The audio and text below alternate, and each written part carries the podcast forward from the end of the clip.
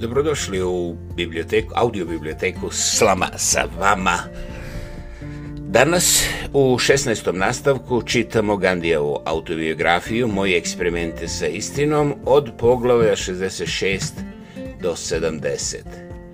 Poglavlje 66 je naslovljeno Povratak u Indiju.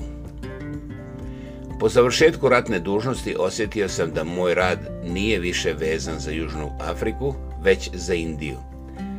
Ne da nije bilo šta da se uradi u Južnoj Africi, već sam se plašio da bi moj glavni posao mogao postati sticanje novca.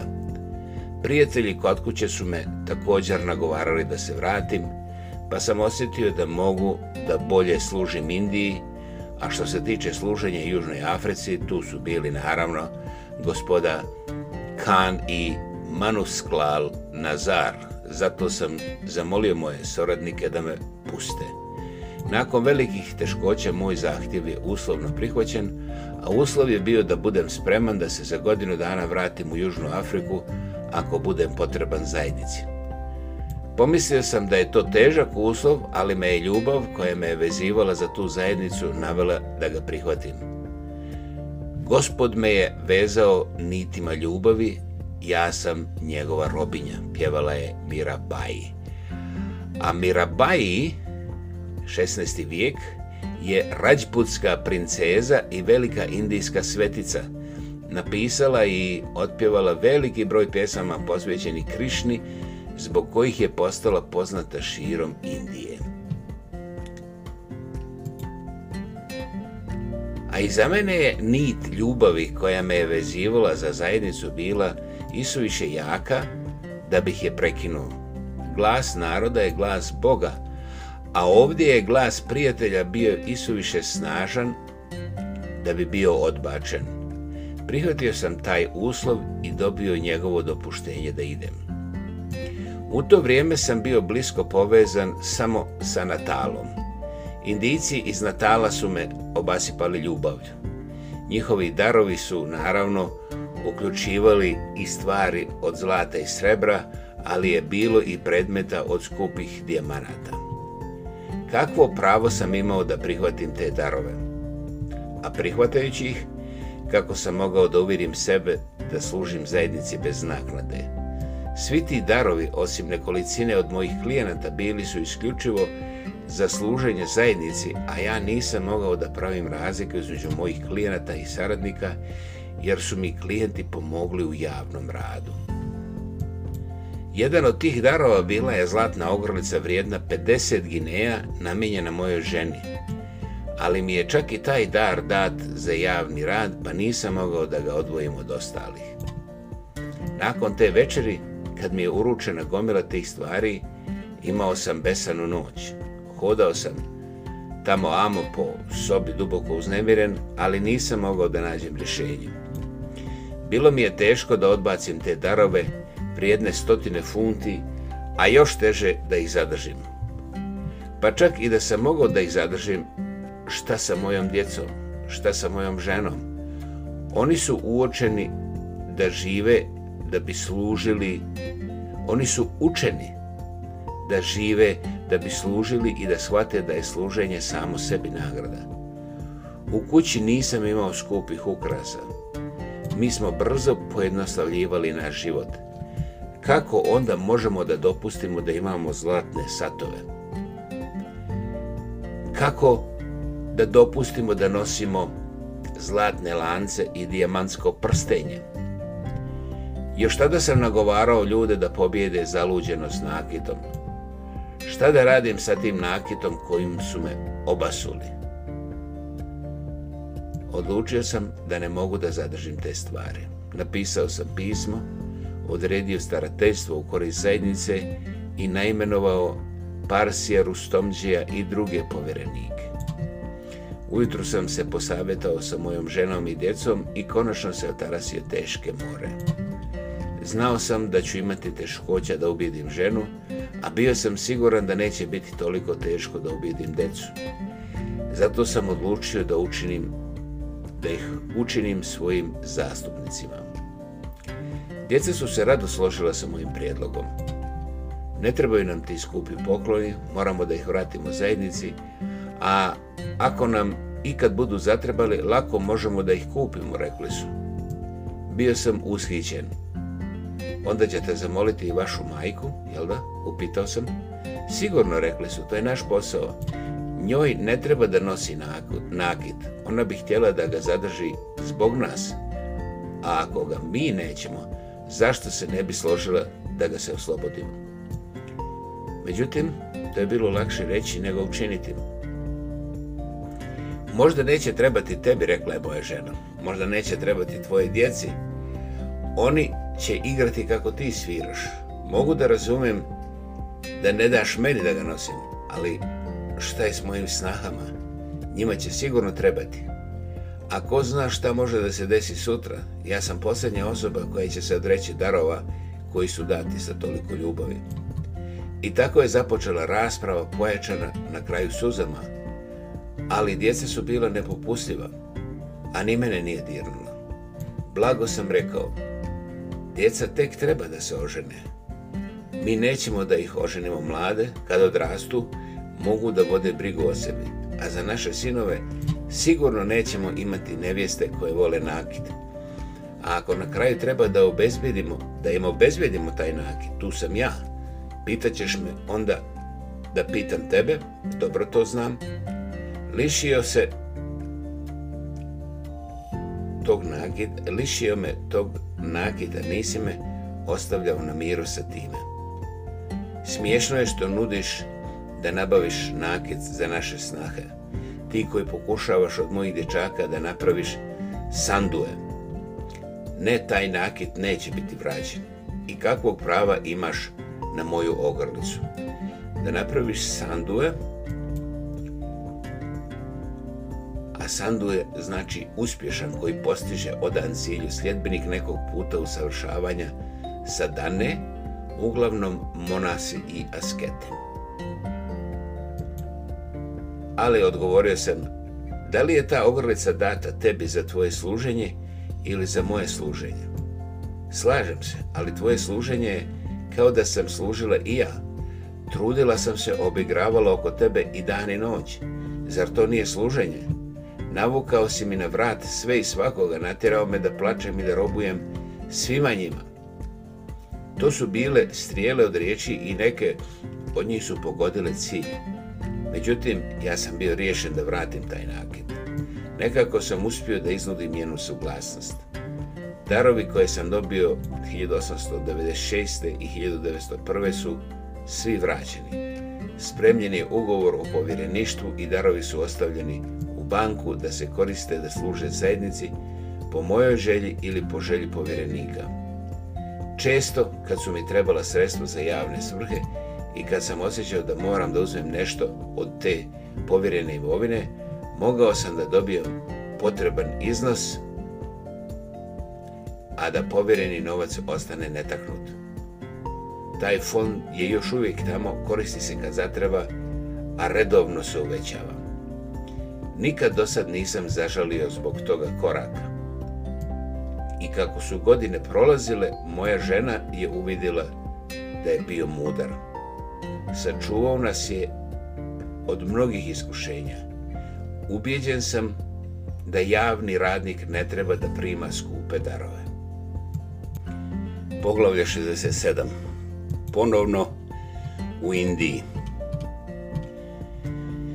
I tako sam odplovio kući. Jedna od usputnih luka bio je i Mauricius pa pošto je brod tu ostao dugo, izašao sam na obalu i dobro se upoznao sa stanjem tamo. Na jednu noć sam bio goser Charlesa Burusa guvernera te kolonije. Po dolasku u Indiju proveo sam neko vrijeme obilazeći zemlju. Bila je to 901. godina, godina kada se kongres sastao u Kalkuti pod predsjedništvom gospodina Dinšova Vake, kasnije je dobio plemičku titulu ser. Naravno da sam mu prisustovao. Bilo je to moje prvo iskustvo na kongresu. Iz Bombaja sam putovao istim vozom kao i ser Feroz Shah Mehta i trebalo je da razgovaram sa njim o stanju u Južnoj Africi. Znao sam na kakav kraljevski način on živi. Iznajmio je specijalni salon za sebe, a ja sam imao nalog da iskoristim priliku da pričam sa njim tako što ću jednu stanicu putovati u njegovom salonu. Zato sam ušao u voz i prijavio se na naznačenoj stanici. Sa njim su bili gospon Vaka, sada ser, Čimanlal Setalvad. Razgovarali su o politici. Čime je ser Ferozžah vidio, rekao je, Gandhi izgleda da se ništa ne može učiniti za vas. Naravno da ćemo donijeti rezoluciju koju želite. Ali kakva prava mi imamo u vašoj sopstvenoj zemlji? U našoj sopstvenoj zemlji. Vjerujem da sve dok ne budemo imali moć u našoj sobstvenoj zemlji, ne možete proći bolje ni u kolonijama. Bio sam šokiran. Izgledalo je da se gospodin Setalvad slaže sa tim stavom, a gospodin Vaka me je patetično pogledao. Pokušao sam da molim gospodina Ferozšaha, ali nije bilo šanse da neko kao ja nagovori nekronisanog kralja Bombaja. Zadovoljio sam se činjenicom da će mi biti dopušteno da proguram svoju rezoluciju, Naravno, pokazat ćete mi vašu rezoluciju, rekao je gospodin Vaka da me razvedri. Zahvalio sam mu i sišao na sljedećoj stanici. Tako smo stigli u Kalkutu. Komisija za doček je uz veliku pompu odvela predsjednika u njegov tabor. Upitao sam jednog volontera kuda da idem. Poveo me je u Ripon College gdje je bio smješten određeni broj delegata. Sreća mi se osmijehnula. Lokamanja je bio smješten u istom bloku. Sjećam se, došao je dan kasnije i kao što je bilo prirodno, Lokamanja nikad nije bio bez svojih prijema. Da sam sligar, mogao bih da ga nasekam kako sjedi na svom krevetu, tako mi je živa ta scena u sjećanju. Od mnogobrojnih ljudi koji su ga posjetili, danas mogu da se sjetim samo jednog, naime pokojnog babua Motila Goša, urednika časopisa Amrita Bazar Patrika. Njihov smijeh i razgovor o zlodelime vladajuće rase ne mogu se zaboraviti. Ali predlažem da pogledamo neke detalje sastanka u tom taboru. Volonteri su se sudarali jedan sa drugim, zatražili biste od jednog da uradi nešto, on bi to prenio na drugog, a ovaj na trećeg i tako dalje. A što se delegata tiče, oni nisu bili ni tu ni tamo. Upoznao sam se sa nekoliko volontera, ispričao sam im neke stvari u Južnoj Africi i oni su se osjetili donekle posramljeno. Pokušao sam da im približim tajnu služenja. Izgledalo je da razumiju, ali služenje nije nešto što raste na grani. Ono podrazumijeva najprije volju, a potom iskustvo. Tim mladim, dobrim, jednostavnim ljudima nije nedostajalo volje, ali im je iskustvo bilo nikako. Kongres se sastajao tri dana svake godine i onda odlazio na spavanje. Kakvu obuku bilo ko može da stekne tokom ta tri dana šova jednom godišnje? A i delegati su bili nalik na volontere nisu imali ni bolju ni dužu obuku. Ništa nisu htjeli da urade sami. Volonter uradi ovo, volonter uradi ono, stalno su narađivali. Čak i ovdje sam morao da se suočim sa nedodirljivošću u priličnoj mjeri. Tamilska kuhinja je bila daleko od mira. Za tamilske delegate je pogled na duge, na druge, čak i dok večera je značio da su uprljeni. Zato je za njih morala da bude načinjena posebna kuhinja na terenu koleđa omeđena pletenim pregradama. Bila je puna dima koji bi vas ugušio. Bila je to kuhinja, trpezarija, kupatilo, sve u jednom, sigurno utočište bez izlaza. Za mene je to izgledalo kao travestija Varnad Travestija Varnad Varna Harma je varna, boja, drahma, zakon, svojstvo. Varna je kasta, postoje četiri varne u okviru koji se dalje podijele na kaste i podkaste. Prva je bramani, savršenstvo,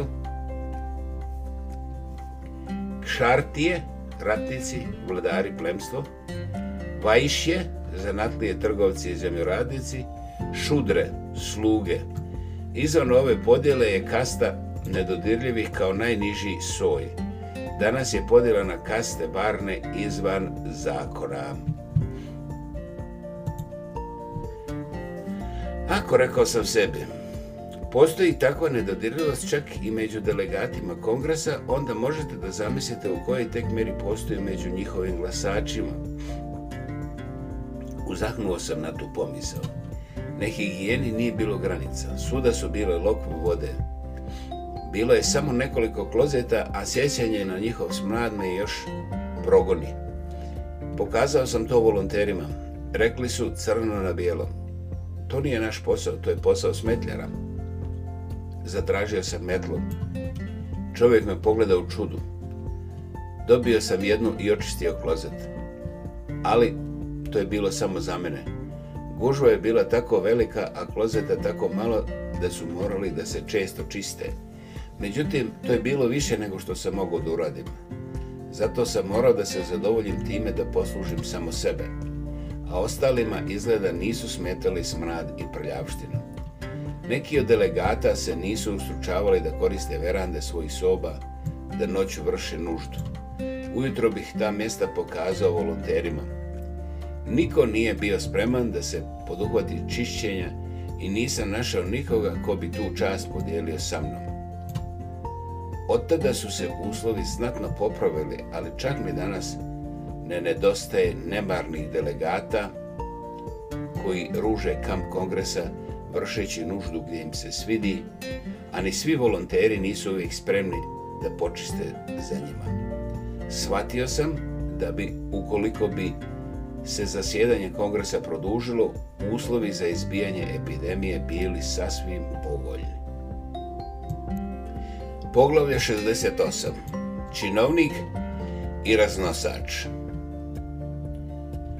Ostala su još dva dana do početka zasjedanja kongresa.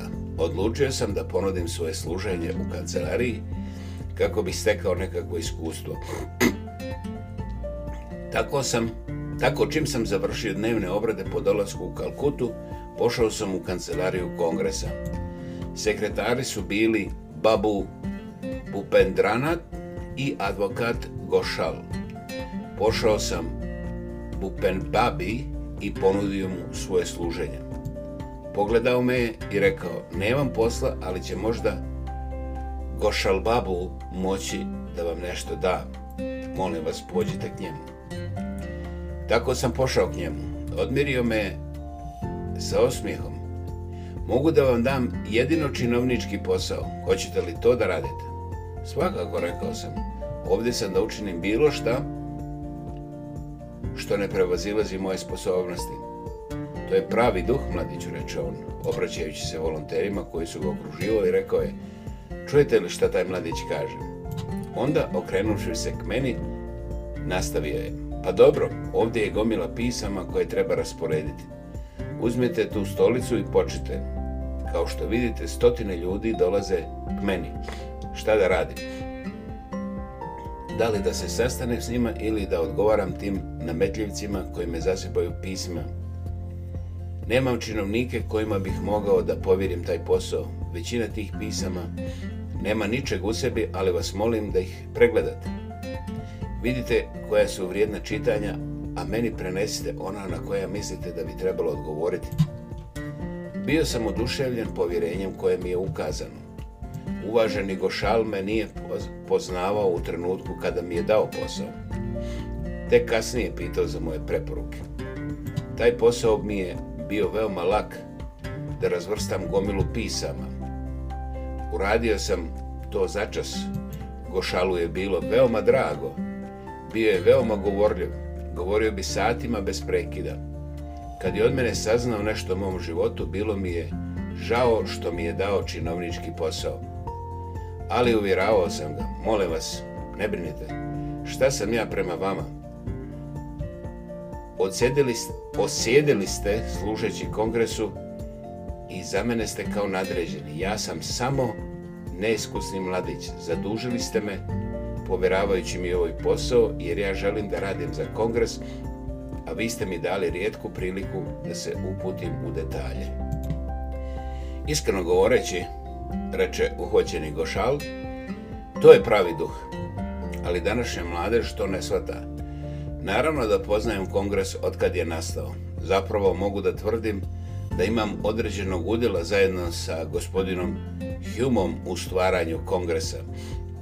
I tako smo postali veoma dobri prijatelji. Insistirao je da ručam sa njim. Obično je košulju gospodina Gošala zakočavao njegov nosač.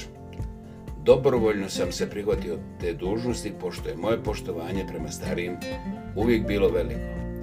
Kad je on to saznao, nije mu smetalo što činim te male lične usluge. Zapravo bio je duševljen.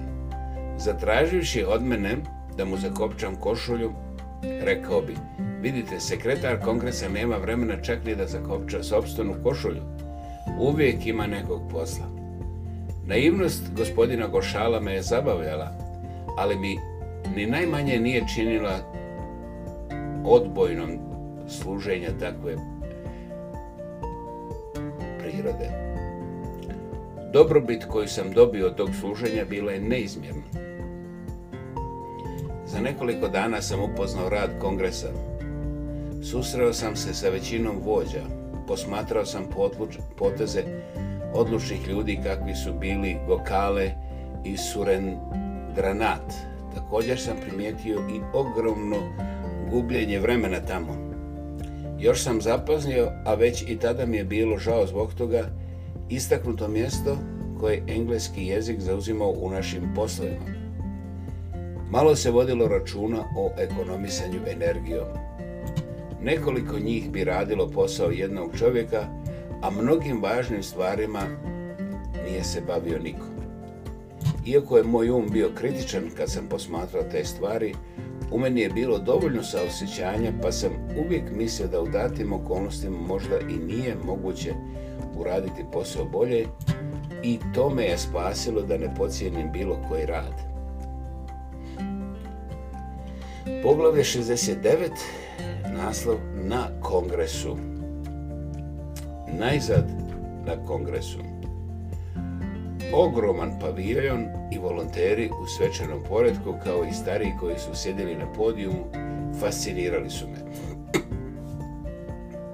Pitao sam gdje ja trebam da budem u tom ogromnom skupu. Predsjedničko obraćanje bilo je kao zasebna knjiga nije dolazilo u obzir da se čita od početka do kraja. Zato je pročitano samo nekoliko odlomaka. Nakon toga je došao izbor predmetnog komiteta. Gokale me je vodio na sastanke komiteta.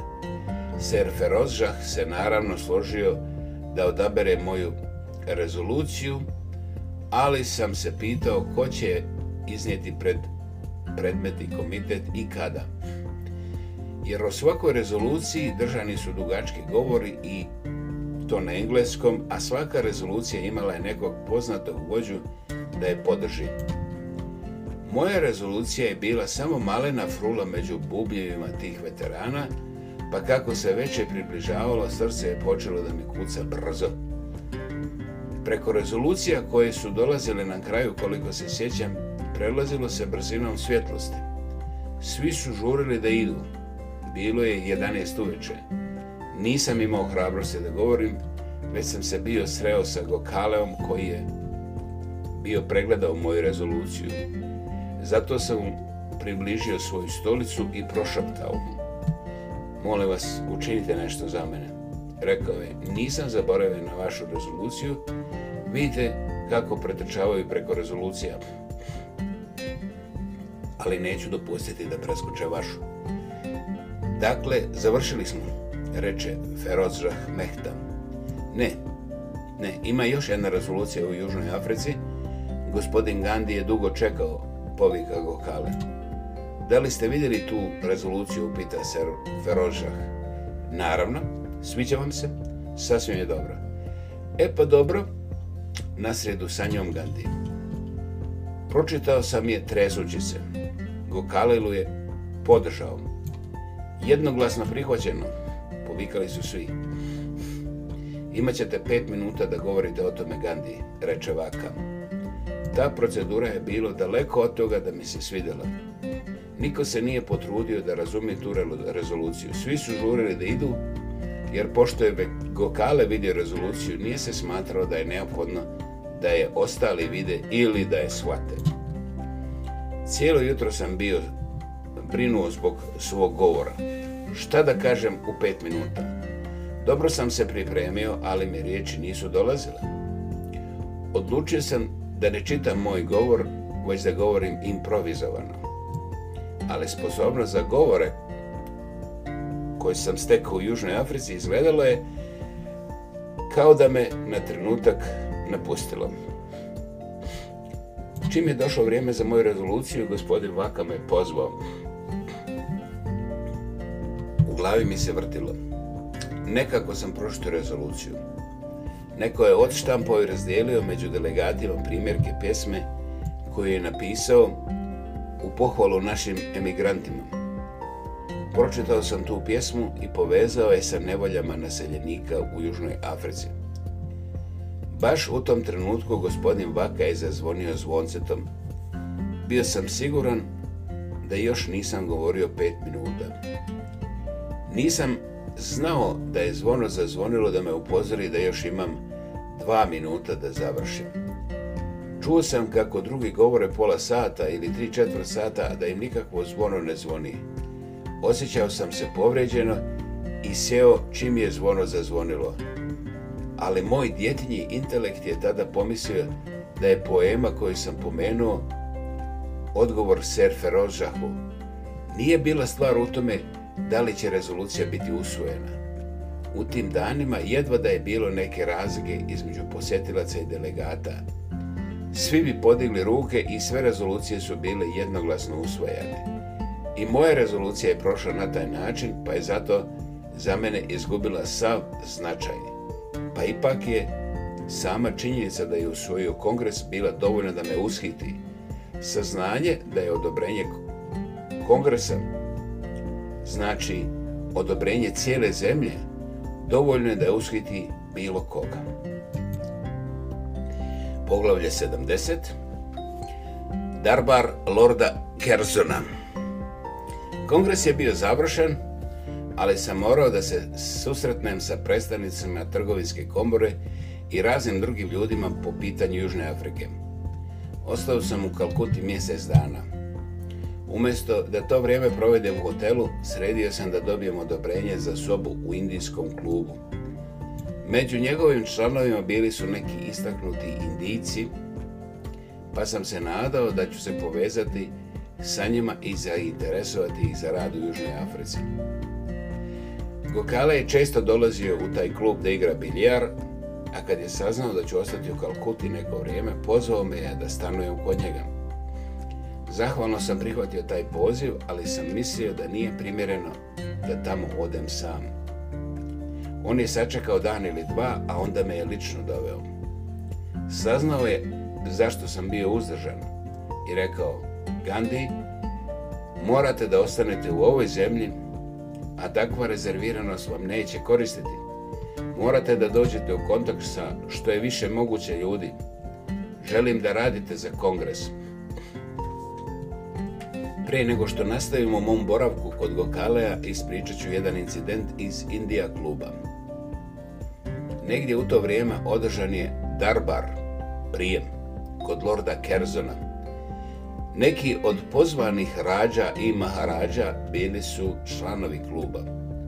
U klubu su uvijek nosili fine bengalske dotije sa košuljama i šalovima. Na dan prijema oblačili su pantalone koje su koje su pristele sama Butler i sjajne čizme, oprostite. To me je zaboljalo pa sam jednog dan, jednoga od njih pitao zašto mijenjaju odeću. Samo mi znamo kako je nesrećen naš položaj. Samo mi znamo uvrede koje moramo da podnesimo kako bismo zaštitili svoje bogatstvo i titule, odgovorio je on. Ali čemu ovi butlerski turbani i sjajni čizme?